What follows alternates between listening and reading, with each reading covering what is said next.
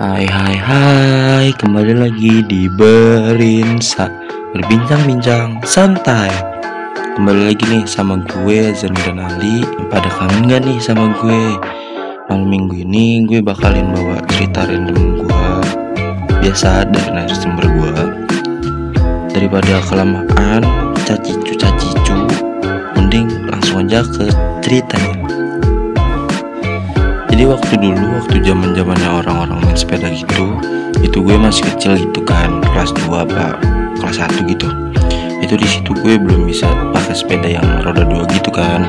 Gue masih pakai roda 4 tuh. Nah waktu itu gue lagi seneng-senengnya main sepeda juga. Terus sama ayah gue tuh rodanya dicopot satu gitu. Inget banget gue rodanya yang dicopot itu roda kanan kata ayah gue.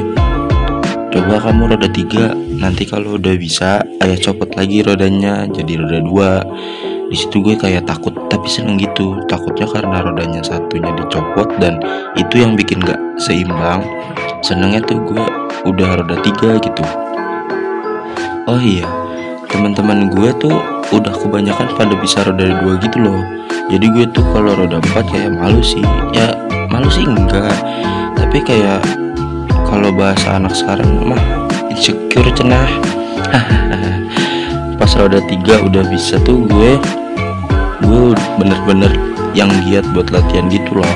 Sampai-sampai gue kalau mau makan sore itu harus sambil latihan main sepeda roda tiga itu. Kalau enggak ya gue nggak mau makan. Ayah gue tahu kalau semisal gue udah bisa roda tiga. Terus kata ayah gue kamu udah bisa roda tiga kan? Sini rodanya ya copot lagi biar jadi roda dua. Di situ gue mau dan semangat banget kan kayak soalnya tuh akhirnya sepeda gue rodanya sama kayak teman-teman gue. Setelah roda gue dicopot tuh gue langsung belajar bener-bener gitu loh. Sampai-sampai di dalam rumah gue main sepeda. Belajar gue pas ganti jadi roda itu bener-bener pelan-pelan plus hati-hati banget. Soalnya itu kan butuh keseimbangan ekstra banget kan terus tuh pas gue belajar naik sepeda gue pegangannya tembok gitu sambil gue pelan-pelan. Terus kalau anak kecil kalau siang kan biasanya disuruh tidur siang ya. Nah itu gue tuh kadang kayak iri gitu sama temen gue. Soalnya gue tuh disuruh tidur siang sama bunda. Tapi temen gue tuh pada main gitu di luar. Ada yang lari-larian atau enggak main masak-masakan gitu. Siapa yang gak iri coba di situ gue bener-bener yang disuruh tidur sampai sampai pintu depan rumah itu dikunci sama bunda biar gue nggak keluar pas bunda juga ikut tidur siang itu.